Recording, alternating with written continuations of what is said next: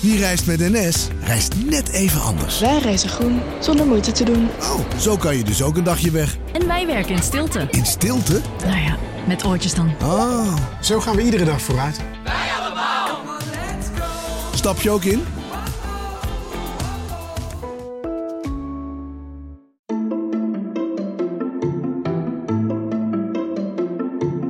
Welkom.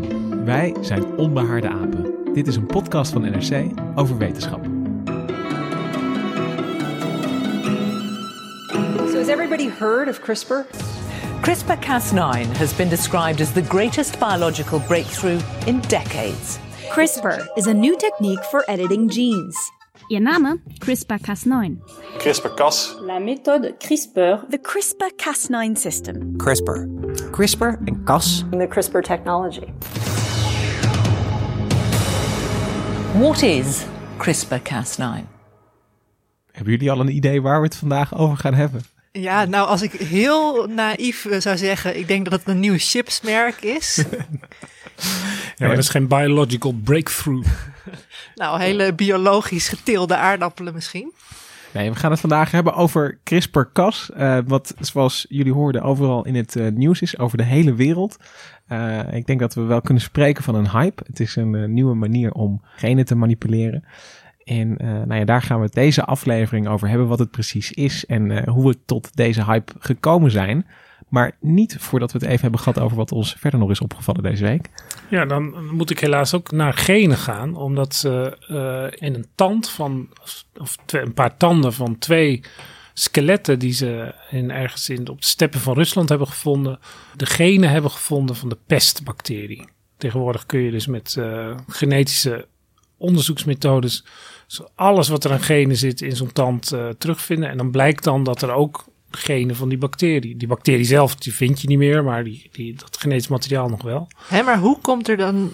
Die mensen die hadden pestbacteriën in hun tanden. Ja, die, Ja. Die, ja, die infectie die gaat door eh, in, in je tandholte. Daar, daar, daar loopt ook een soort bloedvat doorheen. En, en omdat die tandholte is, als ik het goed heb, een soort eh, sarcofaag. Het is, het is heel erg afgesloten van de rest van de omgeving. Dat is dus juist een, Gemummificeerde pestbacteriën. nou ja, waar, waar- waar je dus nog intact DNA-resten kunt vinden. En daar eh, hebben ze uit kunnen concluderen dat eh, die mensen eh, werkelijk aan de moderne variant van pest hebben geleden. Dus dat de pest, die dus in de middeleeuwen flink huisgehouden heeft, maar ook in de late Romeinse tijd.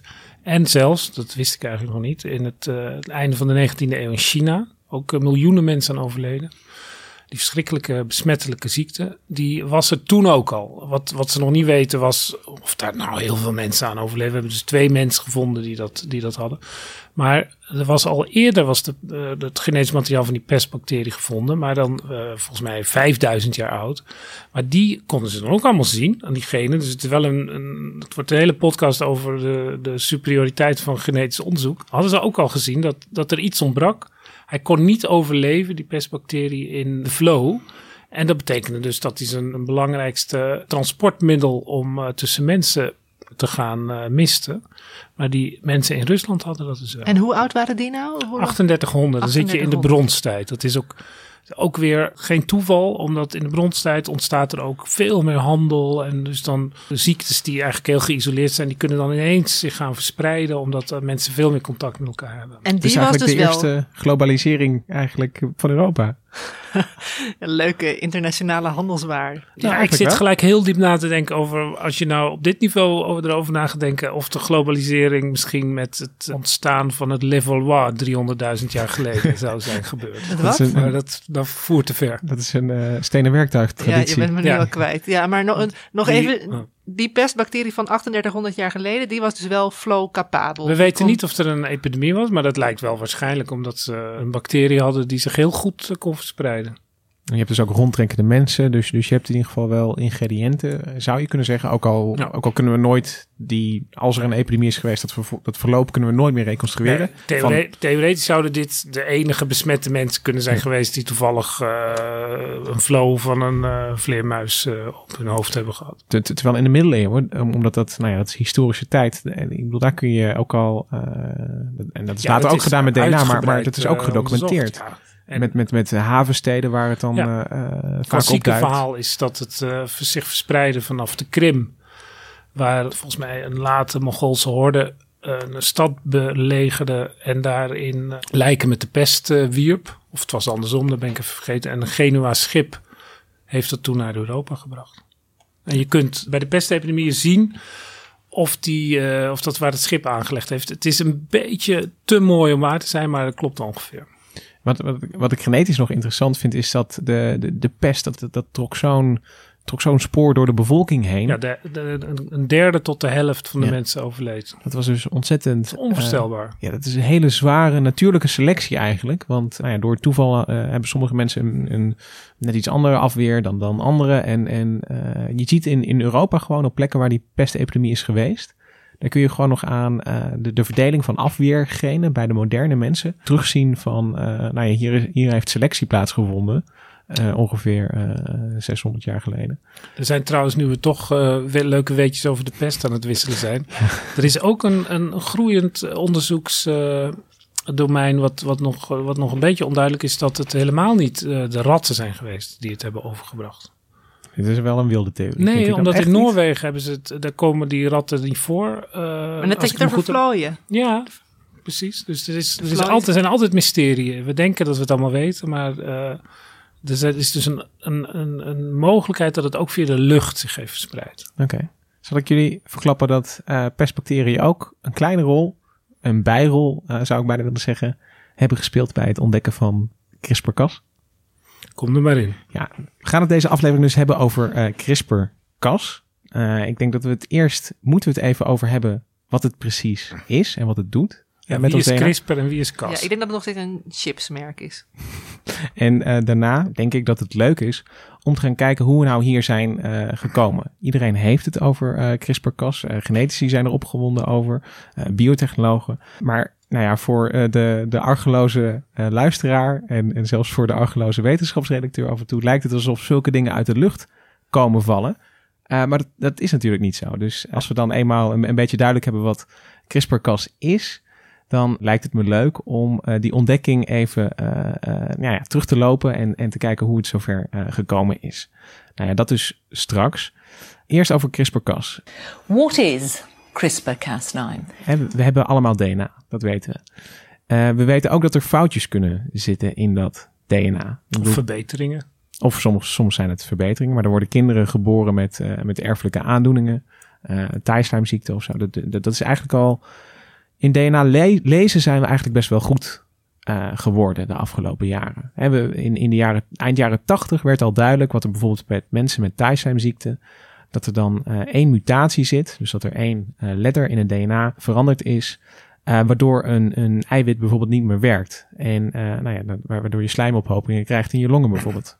Maar dat begrip heeft eigenlijk nooit geleid tot, tot iets wat we eraan kunnen doen. In het lezen zijn we altijd in ieder geval de afgelopen jaren heel goed geworden. We hebben het hele menselijke genomen hebben we in 2000, uh, rond 2000 gehad. Dat werd door Bill Clinton werd dat uh, enthousiast verkocht. Today's announcement represents more than just an epoch-making triumph of science and reason. After all, when Galileo discovered he could use the tools of mathematics and mechanics to understand the motion of celestial bodies, he felt, in the words of one eminent researcher, that he had learned the language in which God created the universe. Today we are learning the language in which God created life. Ja, dat was een enorme hype, weet ik nog. Ja, en er werd ook echt uh, beloofd van, uh, nou ja, alle ziekten die hebben we straks zo opgelost. De toekomst is nabij. Ja. ja, dus we kunnen onszelf lezen eigenlijk. En je had het net over die letters. En dat zijn vier letters, als ik me van biologie... Uh... Dat zijn vier bazenparen. Ja. Ja, de, de A, C, G en T, dat zijn nucleotiden worden ze ook genoemd. De, dat is de taal waarin in DNA geschreven wordt. En, en, en nou ja, dat lezen, dat, dat, dat, dat, volgt Moore's Law, geloof ik. Dat wordt exponentieel, wordt, wordt dat goedkoper en worden we er beter in. Het probleem is dat in het bewerken van DNA zijn we altijd een beetje achtergebleven. Dus als er een spelfoutje is, dan kunnen we daar niks mee. Nou, we kunnen er wel uh, uh, iets mee, maar in, in levende cellen is dat altijd moeilijk geweest. En als je dan kijkt naar waar we vandaan komen in de jaren 70 werden de eerste enzymen gevonden waarmee je DNA kan knippen en plakken. Maar die knippen altijd op dezelfde plekken. Die uh, eentje knipt bijvoorbeeld altijd als je dan zo'n uh, letterrij hebt, bijvoorbeeld van, ik, ik, noem maar wat, A, C, T, G. zal ik hem iets willekeuriger maken? A, A, C, A, T. Die, die knippen altijd op hetzelfde plekje. En nou ja, dat, dat is aan de ene kant. een bende natuurlijk. Ja, de- je moet dan een heel goed plan maken van, van hoe, eh, als je zo'n enzym loslaat op, op het DNA, van, van waar je dat precies eh, loslaat. En eh, wat het dan gaat knippen en hoe je het dan ook weer aan elkaar gaat plakken. Nou, het was een ontzettend gedoe. Dit, ik bedoel, ook hier zijn wetenschappers wel beter in geworden.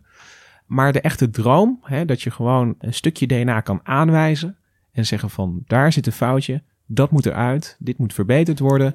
Of dit hele stuk DNA willen we eruit hebben. Dat bleef altijd ver weg. Ja, zoals Ja. het in de films altijd wel gebeurt. Nou, of zoals je vroeger met Typex en een typemachine helemaal moest zitten klooien als je een fout had gemaakt. En nu doe je gewoon op de computer, selecteer je even de D en maak je er een T van. Nou, sterker nog, op de computer, als je gewoon, eh, eh, je, je moet je een beetje voorstellen, als je je hele DNA in een soort Word-documentje hebt, eh, alle 3 miljard letters, als je weet waar het foutje ongeveer zit, dan druk je het liefst op even op Ctrl-F om te zoeken eh, welke sequentie het is. Dan ga je dan in dat hele document ga je naar de juiste plek toe en dan maak je daar je aanpassing.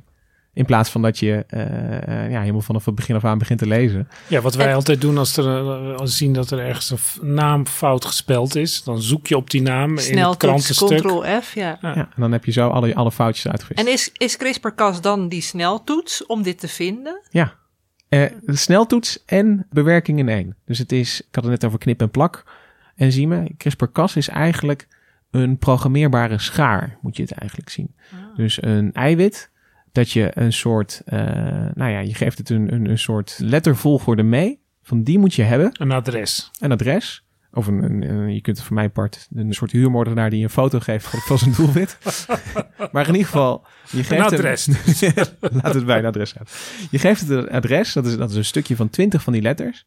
En, en dan stuur je hem bijvoorbeeld op dat gen af, hè, dat gemuteerd is bij Thaisheimziekte. En dan zeg je of, eh, nou ja, knip dat hele gen eruit of, of maak er een kleine aanpassing aan.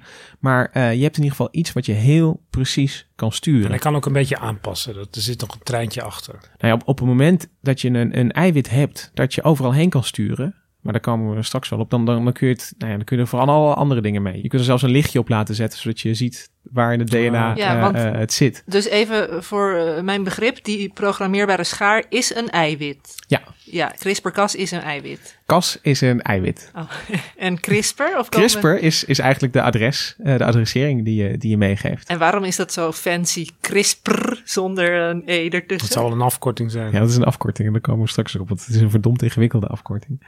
Maar, ehm, nu, nu, snap je misschien een beetje waarom iedereen er zo enthousiast eh, over is. Het, het, het maakt het manipuleren van DNA eh, efficiënter, veel sneller, eh, goedkoper ook. Er, zijn heel veel erfelijke ziekten die, eh, waarvan gezegd wordt, nou, die kunnen we nu misschien Ja, wel iets aan moeten we doen. natuurlijk wel, je moet het dan of, als je iets wil aanpassen, moet je het of in het embryo doen, als de cel zich nog, de organisme gaat delen, of je moet het in al die lichaamcellen doen die besmet zijn. Dus Ja, dat kan dat- allebei waarschijnlijk. Maar Nou ja, dat is de volgende uitdaging altijd. Dat is waar als je een gen wil aanpassen altijd mee komt. Als je een, zodra je al een persoon hebt die ziek is, dan is het met, zeker met de traditionele methode, is het moeilijk om, om aan al die cellen van de longen, bijvoorbeeld van een patiënt met Thaissemziekte, om daar het DNA van aan te passen.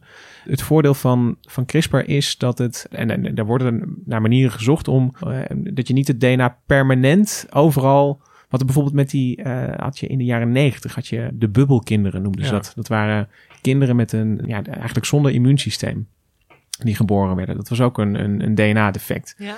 En hoe ze dat wilden repareren wa- was met, eh, nou ja, hoe kun je het DNA permanent aanpassen, was het idee. Met, met virussen. Want virussen integreren zich soms in het DNA. En eh, zo kun je iemand, nou, als je dat Ja. gen in het virus stopt, dan, eh, dan, dan kan het weer. die eh, virussen komen overal. Er zijn er maar die virussen komen overal. Dat, dat was het probleem daarmee. Eh, dus, dus die gaan overal op willekeurige plekken zitten. En, en, Ook op de goede plekken. Dus, ja, waar je het niet wil zitten. Dus sommige eh, van die patiëntjes die kregen leukemie eh, Ah. daarna. Ja, dat dat was echt eh, een schot hagel Hele- eigenlijk. Ja, ja, Uite- uiteindelijk werd gezegd van ja, ze hebben wel langer geleefd dan, dan ze zonder die therapie hadden gedaan. Oh, maar ja, goed. Ja, Ja, het, was, maar- het, was, het was uiteindelijk niet, eh, het was uiteindelijk niet fraai. En, en met, met CRISPR kun je dus veel gerichter zeggen van alleen dat. Eh, want, je, want je wil, en altijd een zorg met, met gentherapie is dat je dus dingen gaat aanpassen die, die, die eigenlijk prima in orde zijn. Als je iets loslaat op dat DNA, dat is, in, dat is best wel gevaarlijk. Eh, eh, je moet dus eigenlijk heel zeker zijn dat wat het aanpast, dat het heel beperkt is gebleven. En jij bent eigenlijk heel lovend net, hè? Van nou, fantastisch. Is ook natuurlijk heel mooi, die toepassingen die je Ja. noemt. Maar wakkert dit niet ook een beetje de angst van mensen aan, juist voor genetische modificatie. Van juist dat we zo specifiek dingen kunnen gaan aanpassen. Ja. Uh, dat kan ook uh, ten kwade worden gebruikt. Of ten kwade, maar dat mensen er echt rare dingen mee gaan knutselen. Ja, natuurlijk, maar, maar kijk, over technologie moet je altijd, denk ik, een, een soort gesprek hebben met wanneer wil je het gebruiken en wanneer niet. Wat we nu doen in Nederland is bijvoorbeeld als we weten dat er een erfelijke aandoening in de familie zit, dan wordt uh, embryoselectie aangeboden. Hè, dus als, als er bekend is dat een spierziekte in de familie zit. En, uh, dan, je hebt een kwart kans dat een jongetje ja. dat heeft of zo. En dan, dan, dan worden de ouders met, met kinderwensen, die krijgen dan een soort pre-IVF behandeling. Hè, waarbij embryootjes uh, gemaakt worden. En daar wordt dan naar gekeken van welke uh, dragen de ziekte en welke niet. Ja, maar, maar ze mogen niet kiezen van, oh deze die heeft uh, blauwe of groene of bruine ogen. Dus die willen we wel niet. Nee, dat, dat mogen ja. ze niet. Ze mogen alleen kijken naar die, naar die afwijking. Ja, dus zo zou je ook CRISPR-Cas dan. Nee, kijk, maar hier heb je dus een situatie waarbij je uh, x aantal embryo's uh, moet maken en waarvan je er uiteindelijk eentje uitkiest. Je zou kunnen zeggen, we maken maar één of twee embryo's die we uh, aanpassen met CRISPR-Cas, ja. waarbij we dat foutje herstellen. En dan heb je maar één embryo gemaakt in plaats van vijf of zes of zeven. Ja, dus, dus dat is iets waar je vrij eenvoudig of nou ja, ik, ik, zeg niet dat het een eenvoudige kwestie is, maar, maar dit is een, een, een voorbeeld van een situatie waarvan je zou kunnen denken, misschien heeft CRISPR-Cas hier een, een voordeel juist. Ja. dat, dat je dus uh, het ten goede kan gebruiken. Nou, ik vroeg het omdat we een paar weken geleden in de podcast hadden we het over iemand die had geloof ik het idee om vleugels bij mensen uh, te bevestigen met behulp van CRISPR-Cas, als ik me goed herinner. Ja, dat klopt. Dat, en dat was in die documentaire die ging over CRISPR-Cas, ja. Dat was een documentaire uh, Dokteren met DNA van Tegenlicht, geloof ik. Ja, ja, maar dan, zover zijn we dus. Het is nu niet zo dat iedereen lekker met CRISPR-Cas een doe-het-zelf knutselpakket voor kerst kan vragen. Nee, zover is het nog lang niet. En, en waar je denk ik de eerste uh, signalen krijgt van dat er iets gebeurt, is dat het uh, vooral in het lab voor onderzoekers zelf uh, ontzettend krachtig hulpmiddel is. CRISPR-Cas wordt dus gebruikt nu al bij, bij muizen om genen aan of uit te zetten of inderdaad te fixen. Het, het, wordt ook gebruikt om van die, van die mini-orgaantjes, van die organoïden. Nou ja, dan kun je ook heel makkelijk nu kijken van wat gebeurt er. bijvoorbeeld Hans Klevers is al bezig geweest met, met hoe ontstaat darmkanker. Die kan nu heel makkelijk een gen aanzetten of uitzetten of laten muteren. En ik kan dan gelijk zien wat er gebeurt. Wie is Hans Klevers? Hans Klevers is uh, een celbioloog die in uh, Nederland heel veel van die orgaansysteempjes heeft Ja, hij uh, was ontwikkeld. bekend als KNW-directeur, Ja. maar hij is of president. Maar Gemma heeft wel een punt, want een van de redenen waarom we hier over CRISPR-Cas natuurlijk spreken, is dat het een van die van die, van die vernieuwingen is, net als uh, in de artificiële intelligentie van de laatste jaren, die ineens een soort zicht geven op een uh, nieuwe toekomst, waar Ja. Harari ook over schrijft. Van dadelijk kunnen we inderdaad, zover is het nog lang niet, en misschien nog honderd jaar niet, kunnen we kiezen of we twee armen, drie armen of intelligentie of wat dan ook. Dat is allemaal heel erg buiten beeld nog, omdat we er te weinig van af weten. Maar dit is een stap waarin je ineens denkt, nou, het komt ineens een, een, een stuk dichterbij. Als we het zo precies kunnen doen. En het, en het is eh, ook relatief snel gegaan. En, en daarmee heerst er ook zo'n sfeer van opwinding. Is, is dat uh, als je het echt tien jaar geleden was CRISPR-Cas niche, was nergens. En ineens is er zo'n moment, ineens heeft iedereen er Ja. over, iedereen experimenteert ermee. En wordt dus ook die noodzaak om uh, met die, met die oude genmanipulatie waarvan je denkt van ja, dat, dat, dat, heeft nog allemaal heel veel mitsen en maren. Maar nu heb je iets dat zo precies en efficiënt is dat dat veel belangrijker is. Dat je die uh, gesprekken voert over wat er wel en Ja. niet kan. Want dit is CRISPR-Cas we willen ook. 9. Ja. En die 9 is de, de negende versie van die schaar. Of Nee, dus, dus uh, ja, nu gaan we toch langzaam, moeten we gaan praten, denk ik. Hè, want, want nu vraag je ook alweer een moleculair detail om, om even te Het gaan is een kijken. moleculair nummer. Het is een moleculair nummer. Uh, uh, CAS staat voor CRISPR Associated System. Dus het is eigenlijk CRISPR-CRISPR. Staat, Ja, maar goed, CRISPR komt uit de lucht vallen voor, voor ons Ja, ik buitenstaanders. herinner me dat het. het uh, bij, in de krant op een gegeven moment uh, was het al een paar keer even in een stuk zijdelings geweest. Dan, toen, op een gegeven moment dachten we, nu wordt het zoveel, nu moet er een stuk over het ding zelf uh, komen. Ja, en dan is het... eh, ineens was het overal. We waren net op tijd. En wat ik ook bijzonder vond, is dat het ineens over een paar mensen gaat. Uh, er, er zijn een paar uh, ontdekkers, de helden van CRISPR, zeg maar. Dat De zijn helden van CRISPR. Jennifer Doudna. En de boeven van Cas. Oh, Doudna. Jennifer Doudna gaat het vaak over. Ze, ze wil niet Doudna genoemd worden, want Ze werd vroeger op het lab de Dude genoemd. En dat, oh ja, uh, ik heb haar op een congres gezien vorig jaar. Ja. Jennifer Doudna, uh, Emmanuel Charpentier en uh, Feng Zheng. Die worden dan vaak genoemd als de ontdekkers van CRISPR. Maar als je in dat verhaal gaat kijken, dan, dan lijkt het alsof zij ineens, nou ja, ze komen ineens naar buiten met, hé, hey, we hebben hier iets. maar, zo, maar zo is het niet gegaan. En ik denk dat de manier waarop CRISPR ontdekt is en uiteindelijk gebruikt wordt als instrument om, om DNA te manipuleren, dat dat heel veel zegt over hoe wetenschap werkt. En hoe het toch moeilijk blijft om uh, aan iets dat zo'n ja, complexe ontdekking is, om, om, om dan uiteindelijk een paar mensen aan te wijzen en zeggen van zij hebben het gedaan. Maar goed, daar, ja, gaan we. Vroeger had je Einstein die bedacht de relativiteitstheorie of uh, Edison uh, de lamp. Dat is natuurlijk wat minder wetenschappelijk, maar goed, dat, dat hoort allemaal in diezelfde categorie. Ja. En nu zijn het enorme teams en netwerken die uh, ja, maar eigenlijk dat, allemaal de Nobelprijs Had je ook al bij DNA dat de Nobelprijs werd toegekend, maar dat, hoe heet ze? Rosamund Franklin? Rosalind Frank. Ro ja. Maar laten we het verhaal van CRISPR volgen en dan, dan kunnen we het daarna hierover ja, hebben. Want dan wordt het, nou, misschien dat jullie zeggen van nee, maar die persoon verdient straks dan misschien wel de, de Nobelprijs. Oh ja, dan gaan we onze eigen prijs uitreiken, de onbehaarde apenprijs. En dan komt de wetenschapsdynamische discussie. Ja, ik, ik, ik denk dat er, um, nou ja, hoe, hoe zijn we bij CRISPR gekomen? Ik denk dat je vier fasen kan aanwijzen. Eentje van, van ontdekking. En die begint eigenlijk, dat is de eerste fase, die begint in 1987 al. Dan, uh, Jouw geboortejaar? Dat is mijn geboortejaar ook. En uh, dan zijn er mensen in Japan en uh, wat die willen is, uh, nou ja, wat, wat er eind jaren 80 en begin jaren 90 gebeurd is, is dat dat DNA lezen, dat, dat is eigenlijk dan nog de, de sport. En zij willen één gen van een bacterie lezen. Ze denken van dat is misschien een interessant gen. Laten we eens even kijken hoe dat is opgebouwd. Dus zij gaan die volgorde van dat gen bepalen. En ze nemen niet alleen dat gen, maar ook wat stukjes eromheen.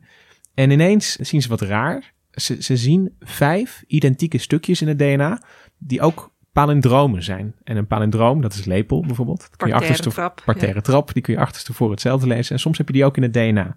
Uh, dus, dus dat gebeurde hier. Dat waren best wel grote stukjes. Uh, dus, dus een stukje dat met uh, ACC begint. En dan ook weer met CCA eindigt. Ze Wat moeten is... de Nobelprijs voor de literatuur gewoon krijgen. maar ze zien vijf keer zo'n palindroom met andere stukjes ertussen. Best wel raar. En ze eindigen hun uh, artikel met, uh, ik heb het nog even nagekeken. So far, uh, no sequences similar to these have been found elsewhere in prokaryotes. And the biological significance of these sequences is not known. Dus ze, we hebben iets, ze hebben iets geks ontdekt. Ze hebben iets geks ontdekt. En dat is eigenlijk waar ze het bij laten. Ze zeggen van, dit ja, is nog nooit ergens anders in een bacterie gevonden. Het is best wel gek. Maar wel geweldig dat ze het nog even opschrijven. Dan. Ja, dat, dat vond ik ook. Dat, dat ze het niet alleen... Je zou ook kunnen zeggen van... Uh, dit was niet het doel van het onderzoek, dus, dus laat maar zitten. Maar ze hebben het toch opgeschreven. Uh, dan gaan we naar Spanje. Naar Alicante in de jaren 90. En daar zit een onderzoeker, Mogica heet hij met zijn achternaam. En die kijkt in... Je, je hebt daar een paar van die zoutwatermeertjes. En uh, in die zoutwatermeertjes zitten, zitten van, die, van die zoutminnende archaea. Dat zijn een soort bacteriën, maar dan, maar dan net een beetje anders. En uh, nou ja, daar gaat hij uh, in dat DNA ook zoeken. En dan vindt hij ook weer dat soort stukjes. En, en deze man die begint er uiteindelijk een sport van te maken, deze Mogica. Uh, om, om in andere bacteriën ook dit soort... Ja, maar dan gaat het lopen. Maar hij had dus dat, kennelijk dat stuk van de Japanners gelezen. Ja, dat, dat, dat, dat duikelt hij uiteindelijk nog een keertje op. Hij zegt van, oh, in, in 1987 is, is uh, de eerste keer... hij op zichzelf ja. en op een gegeven moment kwam ja. hij dat Maar hij vond dus ook palindromen. Ja, hij vond ook weer van die palindromen en dan bij hele verschillende bacteriën. Het begint wel een soort detective te worden. Ja, het van is zeker een detective. Of een uh, Blake Mortimer. Van, uh, hoe... Uh, Nee, dus, dus, dus hij raadsel van de palindroom. Ja, maar hij zegt dus eigenlijk van het is breder dan uh, wat de Japanners eerst dachten. Maar hij wist ook nog niet die wat Japanners dachten helemaal niks. Die, die Japanners die beschreven eigenlijk ja, alleen. Precies. Ja, en, en hij gaat eigenlijk inventariseren. Dat is eigenlijk wat hij doet. En het, het punt is wel, als je bij zoveel verschillende bacteriën een, een, een vergelijkbaar systeempje vindt, dan, ja, dan, dan, dan is dat soms wel een teken dat iets belangrijk is. Zeker voor, voor zulke, uh, weet je, het, het, het, is niet... Dat het de moeite is voor die bacteriën. Ja, ja het is, het is uh, die bacteriën zijn normaal gesproken toch een soort uh, overlevingsmachientjes. Weet je, die, die bewaren niks. Wat, wat, zijn we allemaal, Lucas. Het zijn geen poëtische dagdromers die denken, oh, ik wil graag een mooi palindroom in mijn DNA. nee, nee, bacteriën laten nooit iets slingeren. Dus, dus zeker niet zomaar, zomaar wat palindromen. Dus, dus ze moeten wel iets betekenen. Dan is het uiteindelijk uh, een Nederlander, Ruud Jansen van de Wageningen Universiteit, die de naam voor dit soort palindromen geeft. Dus dan wordt het al groter. Dus dan een, een, een het wordt een klasse. En, en uh, er is ook een Nederlander die gaat zich er dan mee bemoeien. Ja, precies. En, en wat is die naam? Oké, okay, CRISPR staat voor Clustered Regularly Interspaced Short Palindromic Repeats. Oh, dus die P is echt palindromic. Die P in CRISPR is voor palindromic. Oké, okay, even kijken of ik het kan onthouden. Clustered regular. Ja, regularly. Inter. Spaced. Spaced. Short palindromic repeat. Ja, dat is het eigenlijk. nou, Ruud, goede, goede afkorting. goede naam. Uh, nou ja, goed, dan is het nog steeds de vraag: wat doet het? Weet je, en er werd van alles genoemd. Uh, wat is de functie van die ja, palindromic? Ze zitten daar, maar wat doen ze? Weet je, dat wordt de volgende stap. Dus hè, we zijn nu eigenlijk van de fase van, van het, uh, het zien en het inventariseren. Gaan we naar het begrijpen toe eigenlijk. En uh, dan wordt er van alles genoemd. Misschien repareert het DNA. Dus wij spreken, want we vergelijken, ze zien een uh, rare neus op uh, allemaal dieren. En denken ze, wat, wat doet hij met die neus? Ja, eigenlijk wel. En, en, Raar vergelijking misschien. nee, maar je, maar je ziet hem wel overal. Ja. Dus, dus, daar, dus het zal wel belangrijk zijn, maar wat dan? Iedereen loopt met een bepaald krant door de stad. Dat zal toch wel belangrijk zijn. Is het... Sluikreclame voor NRC? Heb ik niet gezegd? Nee. dat is het nu geworden. Wij zijn van de NRC. Goed. Uh, dus, dus de volgende fase wordt, wat, wat doet het? Uh, repareert het DNA? Uh, reguleert het andere genen? En dan is het uiteindelijk weer die Mogica in 2005. die ziet dat die... Dan zijn we alweer tien jaar verder. Dus. Ja, dan zijn we tien jaar verder. dus hij is er in 1995 is hij mee begonnen als, als promovendus. als als, als jonge man. Inmiddels is hij tien jaar ouder. En, en dan 20 jaar ongeveer, nou, 18. Ja. Inmiddels ben jij al van de middelbare school af. ja, ja, preprecies. En, en uh, uh, hij ziet van die stukjes die tussen uh, die, die, die palindromen zitten, die lijken heel erg op virussen. Op het DNA dat in virussen gevonden is. Oh, dat is het flash inzicht. Ja, dat is, dat is wel een, een, een lightbulb moment. dan komt het idee, CRISPR is een virusafweersysteem. Dus, en, en waarom doet hij deze ontdekking nu pas? Omdat uh, die databanken, hè, we zijn steeds beter geworden in het lezen van DNA. Dus we hebben ook steeds meer DNA van virussen. Dus hij had al wel vaker gezocht in die DNA-databanken, maar nog niks gevonden. En nu was hij weer eigenlijk, nou, je kunt het vergelijken met googelen. Hè, naar die letters die hij had gevonden. En zag ineens, die, die zie ik terug bij virussen. Ja, maar dan, zie, dan ga ik even naar de techniek die we hebben. Uh, in 1987 uh, werden de tijdschriften nog gewoon per post bezorgd. Ja. En dan moest je dan doorbladeren. En als je geluk had, was er ieder jaar een index. In 1995, dus dat is wanneer de Japanners ermee beginnen, dan wisten zij veel. In 1995, als die, uh, hoe heet die Spanjaard? Mogica. Mogica ermee begint, dan, dan is het World Wide Web, begint geloof ik net. Ja. Net. Dat stelt niet zoveel voor. Nee. En tien jaar later ja. heb je al die databases en ineens wat, wat uh, waar die man vroeger zijn leven voor in de bibliotheek moest zitten, kan die nu ja. via internet heel makkelijk vinden. Veel efficiënter. En het, dan is het dus eigenlijk wat hij ontdekt, is uh, dat die bacteriën bestaan uit een stukje virus, palindroom, virus, palindroom, dus, of niet? Ja, dus, dus, dus het gekke is, is dat die bacteriën dus in hun DNA een beetje virus-DNA hebben verwerkt. Maar bewaakt door palindromen. Ja, ja. Dus, dus, dus dat is, dat is een beetje de mysterieuze situatie waar we dan zitten. Komen nu in acte drie mensen. Nee, het gekke is, dit is ook wetenschap, een maand later publiceren uh, Franse medewerkers van het ministerie van Defensie ongeveer dezelfde observatie. Maar zij hebben naar iets heel anders gekeken. Ze hebben nog DNA op de plank liggen van Vietnamese pestslachtoffers uit de jaren 60. Ah, daar is de pest. Daar is de pest. Dus uh, Yersinia pestis, de pestbacil, uh, nou ja, daar, daar hadden ze nog uh, monsters van op de plank liggen. En zij komen ook een idee. Zij vinden dus in het DNA van die pestbacterie vinden zij dus ook weer stukjes van een virus dat normaal gesproken pestbacteriën besmet. dus, dus even, ja, dit is een matroeska. vriend zijn in een ander verhaal. Precies. en, en zij komen dus ook een, een, met het idee, CRISPR is een soort geheugen van ziekmakers. Vanuit die bacterie gezien. Hè? Die, die bacterie is zelf een, een, een ziekmaker. En CRISPR is dat verschijnsel. Dat ja, die, die, die, die, die, palindromic, palindromic repeats. Ja. ja. Oké, okay, bij de volgende stap ja, dus, ik dus, nu een beetje te duizelen. Want ja, ja, maar er, er zijn dus, dit is ook wetenschap. Die ontdekking die hangt ook een beetje in de lucht. Dat, dat bacteriën dus een beetje uh, virus-DNA in zichzelf op, opnemen. Dat wordt op twee verschillende plekken gezien. In, in Spanje en Frankrijk. Uh, nu, nu, maken we een uitstapje naar uh, zuurkool. Naar.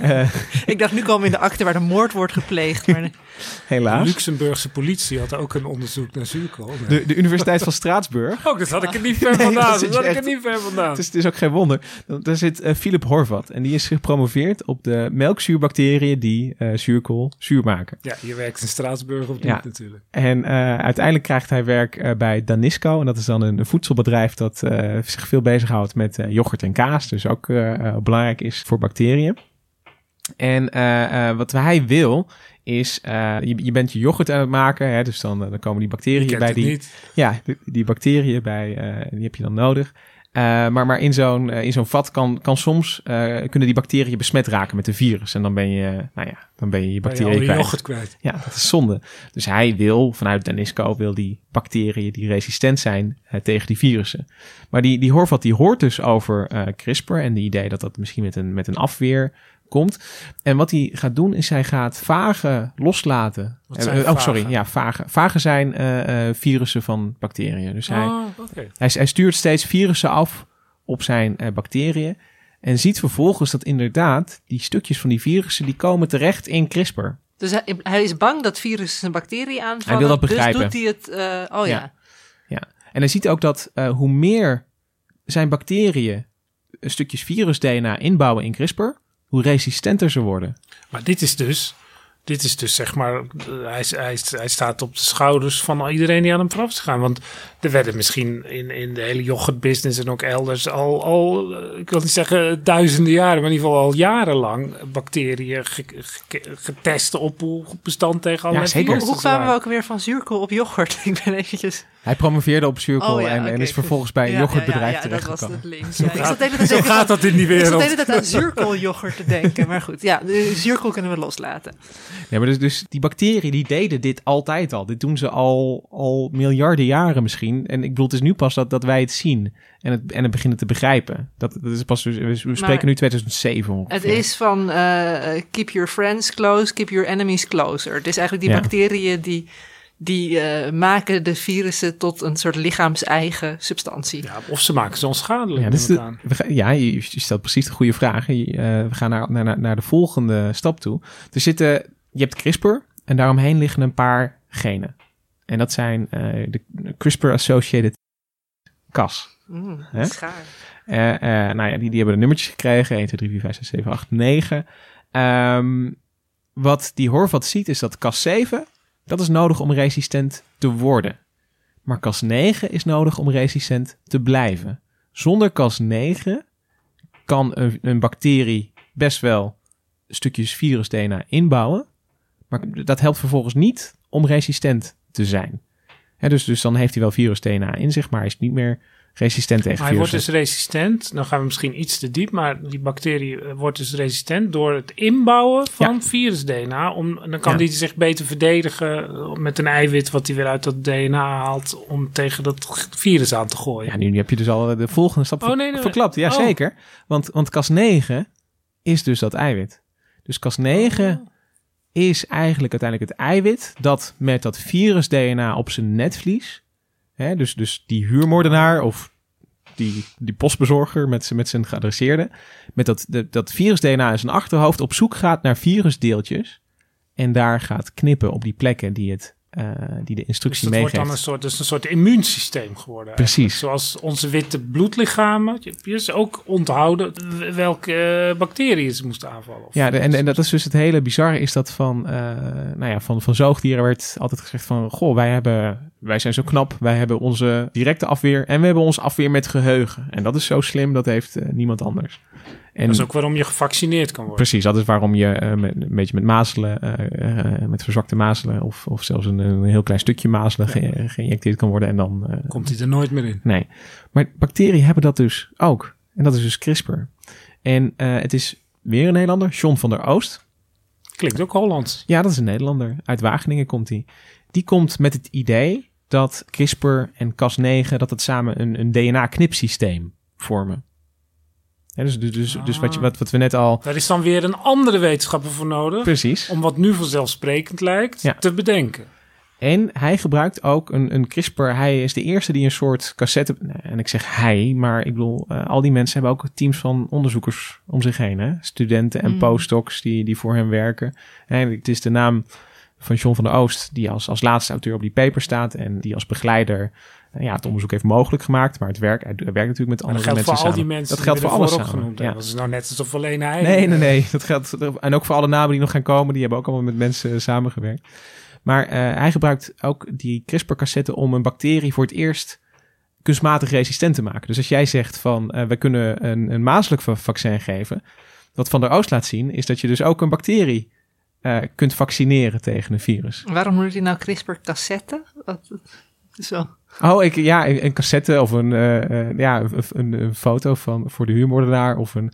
Uh, ah. Ja, en een, een cassette is een beetje DNA-taal voor een rijtje genen op, op ja, een, een, oh, ja. een, een stel genen bij elkaar. Dat is een cassette. Ja, dus de geheime opdracht.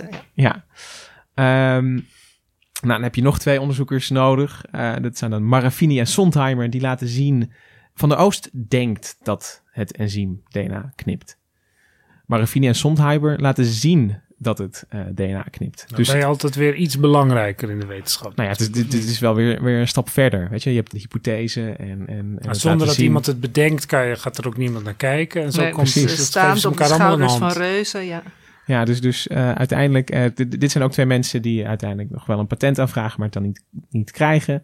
Uh, en dan komen de, de, de namen die ik in het begin al noemde. Maar de, je ja, zegt ja? nu even tussendoor een patent aanvragen. Dus iedereen voelde wel, ja. wauw, hier gaan we, ja. dat is heel groot. Dan gaan we nou, dat is heel niet terecht. alleen yoghurtfabrikanten, maar dan gaat iedereen uh, gaat het willen hebben. Programmeerbare schaar, dat, dat noemde ik net nu even, dat dat, dat besef nu begint in te dalen. Van, hé, hey, maar wacht eens even. Als je iets hebt dat heel gericht DNA kan knippen, holy dat is misschien wel eens uh, heel belangrijk wel voor biotechnologie. Want ik herinner me niet dat we dat bij de wetenschapsredactie er toen al over hadden. Nee, nee dat dit... komt omdat het zo'n onsexy naam heeft. Ik zou het de Sherlock Holmes schaar noemen. Of weet ik veel, gewoon een beetje verkopen, toch? Ja, maar dit, dit is ook... Uh, ja, die, die, die moleculair biologische papers, daar komen ook best wel veel van uit. En als je er niet heel diep in zit, dan is het ook moeilijk om, om aan de titel te zien dat dat een, uh, een spannend paper gaat, ja. gaat worden, denk ik. Maar we, we spreken nu 2008 ongeveer. Uh, dus dat is nog, uh, dat is tien het jaar geleden. Diep verborgen in uh, de maar, grote massa. Maar het is dus de... nog lang niet doorgedrongen in het grote bewustzijn. Het zijn nog steeds, kijk, microbiologen die... die het staat nog niet in Science of Nature, dit. Uh, dat, dat artikel van Van der Oost is volgens mij in Science gekomen. Oh, okay. dus, dus, dan dus, dus, dan begint het in de, in de grote bladen met, met uh, autoriteit. Die, uh, die, die, die komen dan ook. Maar ook, ook in dit hele verhaal is, is nou ja, wat voortdurend uit blijkt, is mensen lopen te leuren met die artikelen. En, en, en journals willen het niet. En, en dan, dan wordt het net te laat. Of te net Harry Potter is het eigenlijk. Ja. Het duurde ook lang voordat aan de uitgeverij werd gesleten. nou, eigenlijk, eigenlijk is dat een hele terechte vergelijking. Ja, dit, dit is dus ook voor de mensen die er ja, zogenaamd mensen die heel veel van die wetenschappelijke artikelen beoordelen, is het dus ook blijkbaar moeilijk om te zien uh, wat, wat voor goud dit is. Ja, vooraf uh, is dat vaak heel ja. moeilijk. Ja. Dan heb je Emmanuel Charpentier. En in 2009 laat zij zien dat zij, als zij een. Uh, zij, zij perfectioneert de manier om dat enzym die foto mee te geven, of dat adres mee te geven. Die laat zien van dan heb je niet uh, ja, in, in de bacterie werkt dat met die, uh, met die palindromische uh, stukjes, dit en dat. Wat zij laat zien, is dat er een stukje RNA wordt ingebouwd in Cas9. En die RNA is eigenlijk de adressering. Dat RNA is, dat, dat past precies op het DNA waar het enzym naartoe moet. En zij laat zien, je kunt gewoon één stukje aan Cas9 geven. Dus daar hoef je niet te ingewikkeld voor te doen. Uh, en, en dan gaat die kast 9 gaat de goede kant op. Ah ja, dus dan begint het, het echte begrip ja. begint wel heel uh, ver te gaan. En, en, en de toepassing. Want uh, op, op dit moment worden ze zo handig dat er dus... en, en dit, dit is dan werk dat ze samen doet met die Jennifer Doudna uiteindelijk. Maken ze een efficiëntiesysteem om, om zo'n kast 9 ergens op af te sturen. Dus alle puzzelstukjes liggen nu bij elkaar. En dan, dan haal ik er nog, uh, nog één stapje bij, dat is Feng Jiang. En die laat zien van heel erg leuk dat dit allemaal in bacteriën kan. Maar ik ga laten zien, of ik ga dit systeem zo aanpassen dat het ook in zoogdiercellen kan. Nou ja, dan voel je echt het orkest aanzwellen. Ja, precies. En dan, dan als dat is gelukt, weet je, dan, uh, dan kun je dus ook, dan kun je uiteindelijk menselijke cellen aanpassen. Dan kun je koeiencellen aanpassen. Dan kun je met muizen gaan experimenteren. Dan, dan ligt er ineens dan ligt ineens de wereld open. En dat wordt nu ook al echt gedaan. Ja, dus, dus, Hij, dus Feng Zheng publiceert dit in, in 2013 en, en dan is wanneer de dam breekt, eigenlijk. Ja, dan begint het ook een beetje door te dringen in de kranten, volgens ja, mij. Ja, dus de, wat je dan echt hebt, is dat de, de pioniersfase is dan uh, voorbij. Dan gaan uh, bedrijfjes uh, springen erop, wetenschappers gaan, er, gaan ermee in de slag. Iedereen, maar, iedereen doet mee. En Feng Zheng en Jennifer Doudna en Emmanuel Charpentier, die raken in een soort patentoorlog. onderling. Onderling. Nee, dus, Oeh, dus, kijk, nu komt die moord misschien toch nog wel. Ja. Doudna en uh, Charpentier aan de ene kant en Feng Zheng van het Broad Instituut aan de andere kant. Die hebben allebei concurrerende patenten dus aangevraagd. Dus het gaat heel erg om, om wie heeft precies wat gepatenteerd op dit moment. En ja, misschien hebben Doudna en Charpentier iets in 2012 gepubliceerd. Maar had Feng Zheng het al in 2011 in zijn lab, uh, in zijn notebook ergens opgeschoven. Oh, ja, dus dit, dit is echt... En, en, en, ineens komen er dan advocaten op het toneel. Ja. ja. En die arme Mogeka, die een beetje de meertjes in Spanje afstruinde, ja. die is nergens meer. Daar hoor je niet meer van. En, en uiteindelijk is het ook, het zit nu in een heel bizarre situatie dat er in Amerika wel patenten worden verleend en in, Europa. In, in Amerika gaan er dan patenten naar Feng Zheng, die in Europa naar, uh, naar Doudna en Charpentier gaan. Uh, dus het wordt echt, ook straks echt behoorlijk ingewikkeld als je als onderzoeker nog iets met CRISPR-Cas wil doen. Maar met goed, wie moet je dan dat, je licentie... Zou, waarom gaan ze niet gewoon samenwerken? Ja. Maar dat is hun probleem. Maar wat zijn er al, om, om een beetje botte vraag te stellen, zijn er al kinderen genezen van uh, erfelijke ziektes met. Uh, in, ja, in, in, in, 2000, CRISPR-Cas? in 2017 heeft voor het eerst een. Hij heet Mitalipov. Uh, maar hij zit in, in Amerika. Uh, die heeft voor het eerst uh, laten zien dat je een menselijk embryo. Dus inderdaad, die situatie die we aan het begin schetsten met een genfout, dat je die kan herstellen. En wat hij eigenlijk laat zien, hij, is, hij werkte met spermacellen waar een, een, foutje in zat en een eicel die dan bevrucht moest worden. Wat hij eigenlijk liet zien is als je dan weet van, nou ja, in sommige van die spermacellen zit een foutje.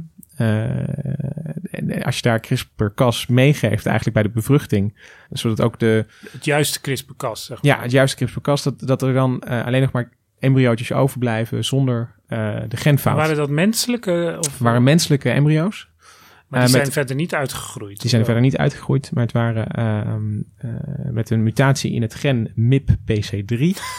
en dat leidt tot, dat is een aandoening die normaal gesproken leidt tot hypertrofe cardiomyopathie. En dat is de aandoening dat je een, een, asymmetrische verdikking van je hartspier hebt, zeg maar.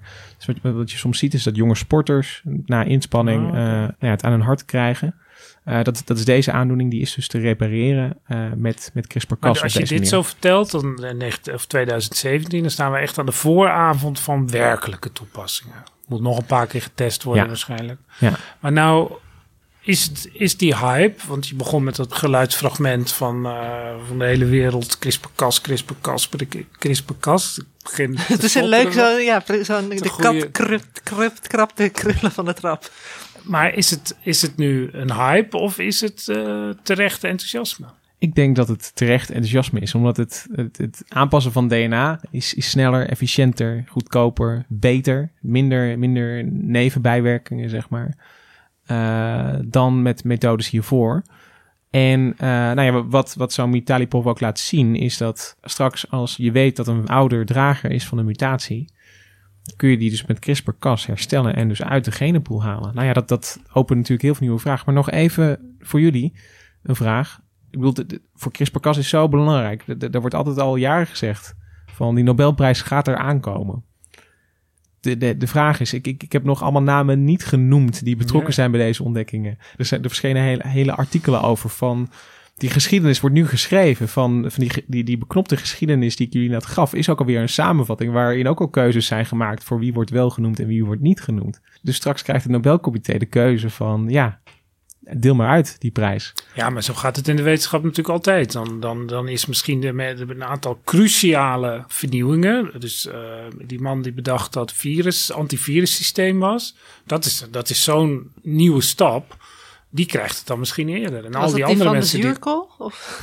Ja, volgens mij wel, die er dan al jaren aan gewerkt hebben. Ja, die, die hebben misschien meer werk gedaan. Maar ik die heb, hebben dan pech gehad ik natuurlijk. heb een zwak voor Mogeka. Die zo lekker in zijn eentje zo het veld in ging. Zo stel ik me dat dan voor. En een beetje daarin die bacteriën. Die zag het bredere belang van de palindroombacteriën. Die ontdekte een trend. En die ging er na tien jaar ging die er nog eens mee verder. Dat was echt een beetje een, een eh, eh, hoe zeg je dat? Vol, die was volhardend in het onderzoek. Zonder hem hadden al die patentaanvragers die een beetje met elkaar zitten te ruzien. Hadden ze helemaal niks om een patent over aan te vragen. En toch zijn het die Doudna en Charpentier en die Zheng die steeds genoemd worden Ja. als, als uh, Ook omdat het er drie zijn. Want je mag drie eh, Ja. mensen Nobel. Maar het is. Je wil, wil je nou eigenlijk een punt maken dat, dat, dat zo'n Nobelprijs eigenlijk niet meer past op het moderne wetenschapsbeleid? Nobelprijzen zijn pas in oktober, dus kunnen we er nog een keer op terugkomen. Maar de tijd dat de wetenschapper veel meer alleen werkte en. maar ja, Lorenz, om een, om een Nederlandse Nobelprijs, die, die, die heeft natuurlijk ontzettend veel zelf bedacht, maar die werkte ook niet alleen. En dat Nou, ik, ik bouwde zie, ook voort op ideeën ja, ik, ik, zie het probleem wel. Aan de ene kant wil je nou ja, goed werk belonen, maar aan de andere kant is het zo dat er zoveel eh, mensen bij betrokken zijn. En, en ook in, in totaal verschillende. eh, is, Ja. is, is degene die, het, die iets ontdekte de eerste die het ziet, of de eerste die het snapt, of de eerste die het. Weet je, dat, ze zijn allemaal belangrijk en ze kunnen allemaal niet zonder elkaar. denk Wist ik je dan. dat in Noorwegen enkele decennia geleden, als er dan een hardloopwedstrijd was, kreeg niet alleen de snelste een prijs, maar ook degene die het meest gemiddelde tempo eh, had. Dat vond ik zo mooi. De, de, de, de, de, de, de ja, onzichtbare kracht eigenlijk. Maar was dat uit een soort democratisch principe? of ja, zo? eh, eh, gelijkheid. Ze zijn, ja, dat, eh, dat, eh, dat gelijkheid. En je kunt natuurlijk niet alleen maar een prijs aan de meest middelmatige loper eh, uitreiken, want dan gaat niemand meer zijn best doen. Ja, maar ik doe altijd aan eh, lopen mee waar iedereen een medaille krijgt. Dat, Nou, misschien is de Nobelprijs natuurlijk. ook. Jongens, we krijgen gewoon allemaal een, een, een Nobelprijs en dan is iedereen gelukkig. Maar je zou je inderdaad een wereld kunnen voorstellen waarin nooit het hele idee van een Nobelprijs of prijzen überhaupt niet zodanig bestonden. En dan zou je er ook niet over na hoeven denken wie is nou eigenlijk het belangrijkste of wie zijn nou die paar mensen. Want we leven natuurlijk toch in een soort cultuur waarin die, die, die enorme complexiteit die je nou eh, een beetje geschetst hebt, wordt samengevat in uh, Doudna ontdekte CRISPR-Cas. The Breakthrough Prize is awarded to Emmanuel Charpentier and Jennifer Doudna. Ja, dat is straks de. Zo gaat het toch de geschiedenisboeken in uiteindelijk. En uh, dat is. Toen ik hier, me hierop aan het inlezen was, toen, toen vond ik één artikel: The Heroes of CRISPR. En uh, even later uh, vond ik daar een soort tegenartikel op. En dat heette. Anti-heroes. De, de Unsung Heroes oh, of CRISPR. En dat ging over al de eerste auteurs, al de, de, de, de promovendi, zeg maar, die, die het harde werk en waar ze nu terecht zijn gekomen. En sommigen zitten bij bedrijfjes, sommigen, zitten, uh, sommigen hebben gekozen voor een, een, een, een, kleine aanstelling bij een universiteit. En, en ze waaieren allemaal uit. En ze hebben allemaal niets dan lof voor de grote namen die nu steeds genoemd worden. Ze zeggen allemaal, ja, maar, maar Doudna heeft altijd een naam genoemd. En uh, Feng Zheng is altijd uh, heel uh, genereus, dit en dat. Maar toch, het, het, het, zijn niet de namen die uiteindelijk de geschiedenis ingaan. Nee, maar de, dus die, die drie zijn misschien wel de drijvende kracht geweest. Om, om maar al die in, in, de, in, de la, in, de, in, de, in de eindsprint. Fase. Maar misschien ja, is het ik. ook een kwestie van ego's. Niet iedereen wil per se met naam en toenaam genoemd worden. Maar het is ergens wel raar nou, dat... dat, dat uh... In de wetenschap en in de journalistiek ook. Wij zitten ook allemaal met onze nou, naam in de Economist maar... is misschien een goed... We zitten als te vergelijken met uh, Economist is een, een van de leidende journalistieke tijdschriften van de wereld. En er staan geen auteursnamen in. Dat is een collectieve... Uh, zelfs de columnisten hebben pseudoniemen. Hmm. Dus het, het kan natuurlijk wel. Maar het, het, moeilijke in, in de wetenschap blijft dat conflict tussen de eerste en de laatste auteur op het paper. De laatste auteur is de begeleider. Dat is Doudna, dat is Charpentier, dat is, uh, dat, dat is Zheng. En die eerste auteur die al het werk heeft gedaan. En de lof gaat naar de laatste en de prijzen. En niet naar de eerste. En dat, ja, dat blijf ik toch ook wel uh, moeilijk vinden soms. Ja. Nou. nou. Wat een pessimistisch einde Tot u sprak. Nou, zullen we even al die namen van de eerste auteurs, heb je ze daar op een... Uh... Nee, nee die heeft hij dan weer niet paraat. Ik, ik heb hier alleen een artikel van Jennifer Doudna en Charpentier Het doet me ook een beetje aan oorlogen denken. Weet aan je, al oorlogen? die ja, wereldleiders uh, versus soldaten ja. die sneuvelen. Ja. Het is toch een beetje een soort uh, ja, massaproductie. Uh. Nou ja, zolang we maar op... op en de kathedralenbouwers, ook ja. anoniem. Ja, zolang we op dit soort momenten dat we er af en toe even bij stilstaan bij het, uh, bij het harde gezwoeg en geploeter. Ja, maar je maakt er ook een soort, het is nu een soort moreel iets uh, van geworden. En dat, dat, maar nee. wat ik het, het, het, het allerinteressantst vind, is dus dat je beseft dat, dat die wetenschap eigenlijk een soort mierennest is. Ja. Waarin van allerlei dingetjes gebeuren, vaak bij toeval. En een paar mensen, en dat, dat zou voor historici ook heel goed zijn om dat goed te beschrijven. Dat is ook wel gebeurd natuurlijk. Dat een paar mensen die hebben dan een soort organisatorische kracht om dat, dat onderwerp naar zich toe te trekken. Om daar de, het geld voor te krijgen en de briljante promovendi naar zich toe te trekken. En ja, als je die, die knooppunten uit het systeem zou halen, dan, dan, ja, dan is dat knooppunt weg. Maar dan ontstaat er weer ergens anders een ander knooppunt. Je kunt ja, dat niet... is een andere les. Is denk ik ook dat, dat, dat dit soort ontdekkingen. Uh, CRISPR was er altijd al. Dat, CRISPR zit er al, ja, wat ik zei, miljarden jaren. En dat maar het, niemand wist hoe die heette. nee, nee, maar dat, dat het op een gegeven moment ontdekt gaan worden, is, is, is bijna, ja, is het nou onvermijdelijk of niet? Dat weet ik niet. Maar, maar er zijn, als je kijkt hoe nauw het soms komt met, met papers die bijna in dezelfde maand uitkomen.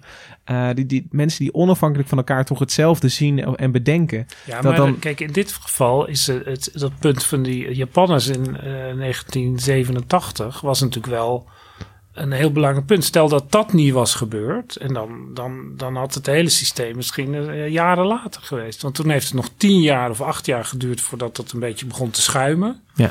Maar gezien de hele context van de, die jacht op hanteerbare genetische manipulatie, was het uiteindelijk er wel ingekomen natuurlijk. Uiteindelijk hadden we, misschien had het anders geheten. Misschien had het wel Wopser Wus geheten dan, als iemand anders het had bedacht.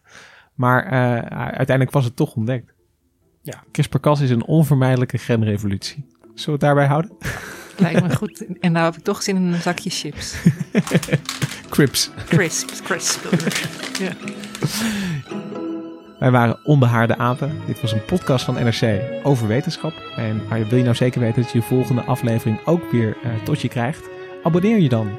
En laat ook een recensie achter op iTunes. Zoals Lodewijk B., zoals Pieter Appel en Mieze vervelende presentator. Oh nee, dat was Sigi 20. die vervelende presentator ging uh, over mij, denk ik.